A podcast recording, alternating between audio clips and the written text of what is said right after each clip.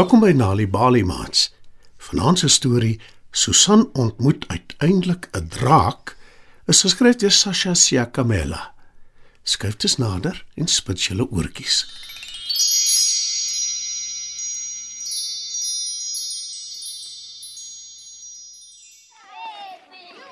Op 'n klein dorpie diep tussen die berge van Limpopo bly daar 'n meisie.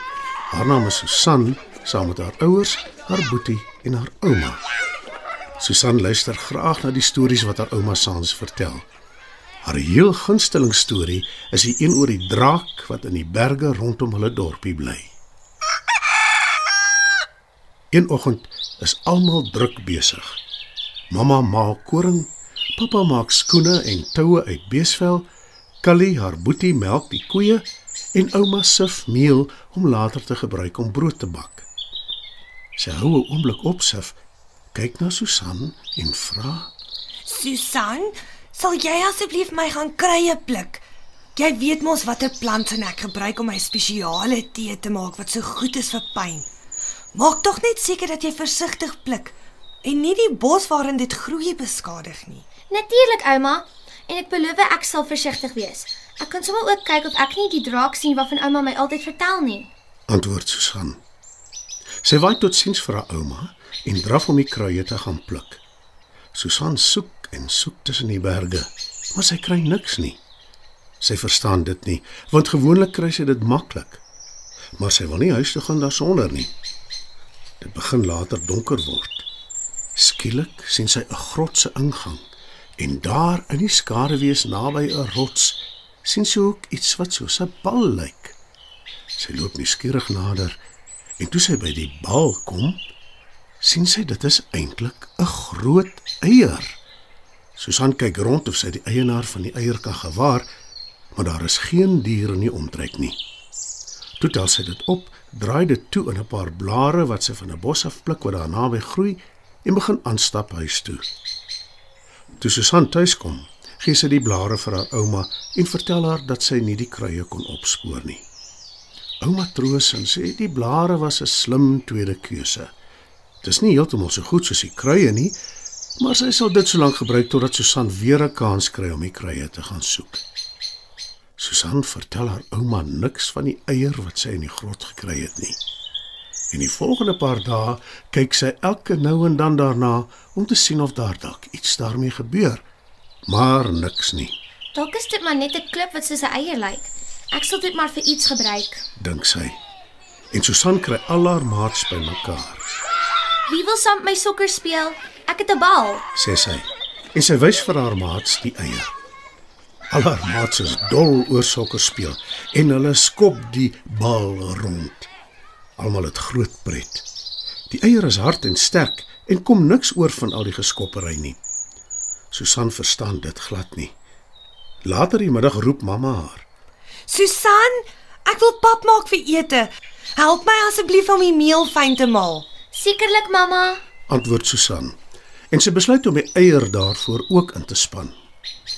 Dit werk baie goed om die meel fyn te maal en weer kom die eier niks oor nie. Mamma is baie beïndruk en prys haar dogter. Die meel is pragtig fyn gemaal, Susan. Baie dankie. Die volgende dag, toe Susan saam met haar maats in die rivier naby hulle dorpie gaan swem, vat sy die eier saam, want sy wil kyk of sy daarop kan dryf in die rivier. En ja, so waar dit werk. Haar vriende is almal opgewonde toe hulle dit sien en elkeen wil ook 'n beurt hê. Die middag toe sy by die huis kom, beskou Susan die eier noukeurig en sy dink Hierdie eier het beslis meer as een doel. Dalk moet ek dit beter begin oppas. En toe maak Susan 'n nes vir die eier. Sy bære dit saans daarin en elke oggend hou sy dit 'n ruk lank styf vas in haar arms.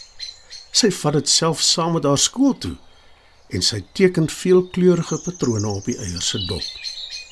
Stadig maar seker raak Susan al meer geheg aan die eier en sy kan haar nie 'n lewe indink daarsonder nie.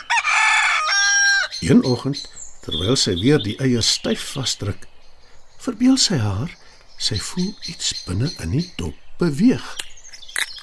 Sy sit dit versigtig neer en sien dat die dop van die eier besig is om te kraak. Susan kan haar oë nie glo toe daar 'n vreemde gedierte uit die eier uitklim nie. Dit lyk amper soos 'n voël sonder enige vere.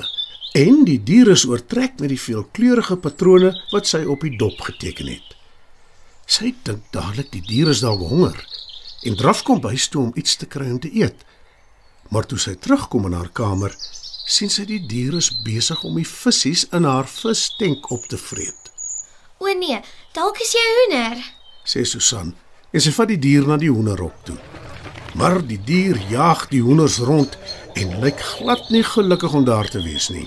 O nee, dalk is jy eend. sê Susan. En sy vat die dier na die eende se hok toe. Maar die dier jag die eende ook rond en lyk ook nie gelukkig daar nie, Ek weet, jy's 'n padda. sê Susan. En sy vat die dier na die dammetjie toe waar die paddas bly. Die dier spring dadelik in die water, Almal, kom kyk gou hier. roep Susan. Mamma, pappa, ouma en Callie hou op werk en kom aangedraf. O, genade. Roep mamma toe sy die dier sien. Pappa staar na die dier en sê: Ek glo dit nie. Dis so ware baba draak. roep ouma verbaas. En daar kry Susan ook uiteindelik 'n draak te sien. En sy was nog nooit so opgewonde nie.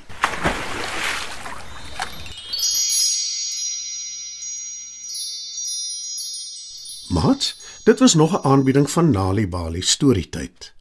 Die titel van vanaand se storie was Susan ontmoet uiteindelik 'n draak en dis geskryf deur Sasha Siakamela. Het jy geweet dat om tuis vir kinders stories voor te lees en te vertel, hulle kan help om beter te doen op skool? As jy gratis stories wil hê om vir jou kinders voor te lees of stories wat jou kinders self kan lees, besoek die Nali Bali webwerf www.nalibali.org of die Mobi werf www.nalibali.mobi. Daar sal jy stories kry in 11 amptelike tale asook wenke hoe om stories vir kinders voor te lees en met hulle te deel sodat hulle hulle volle potensiaal kan bereik. Hou ook koerante dop vir die tweetalige Nali Bali lees vir genot bylaag waarin daar wonderlike kinderstories en aktiwiteite is. Nali Bali. Dit begin met 'n storie.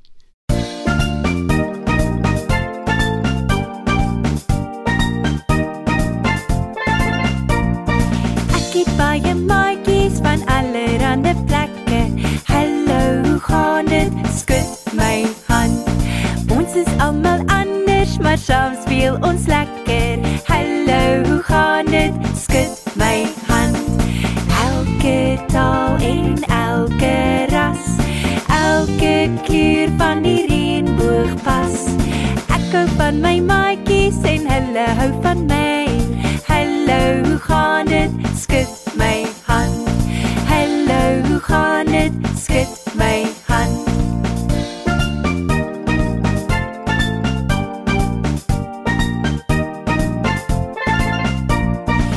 sal is ons anders, speel ons lekker saam. Hallo, hoe gaan dit? Skud my hand. Wat is jou naam en waar kom jy vandaan? Hallo, hoe gaan dit? Skud my hand. Elke taal en elke ras, elke kleur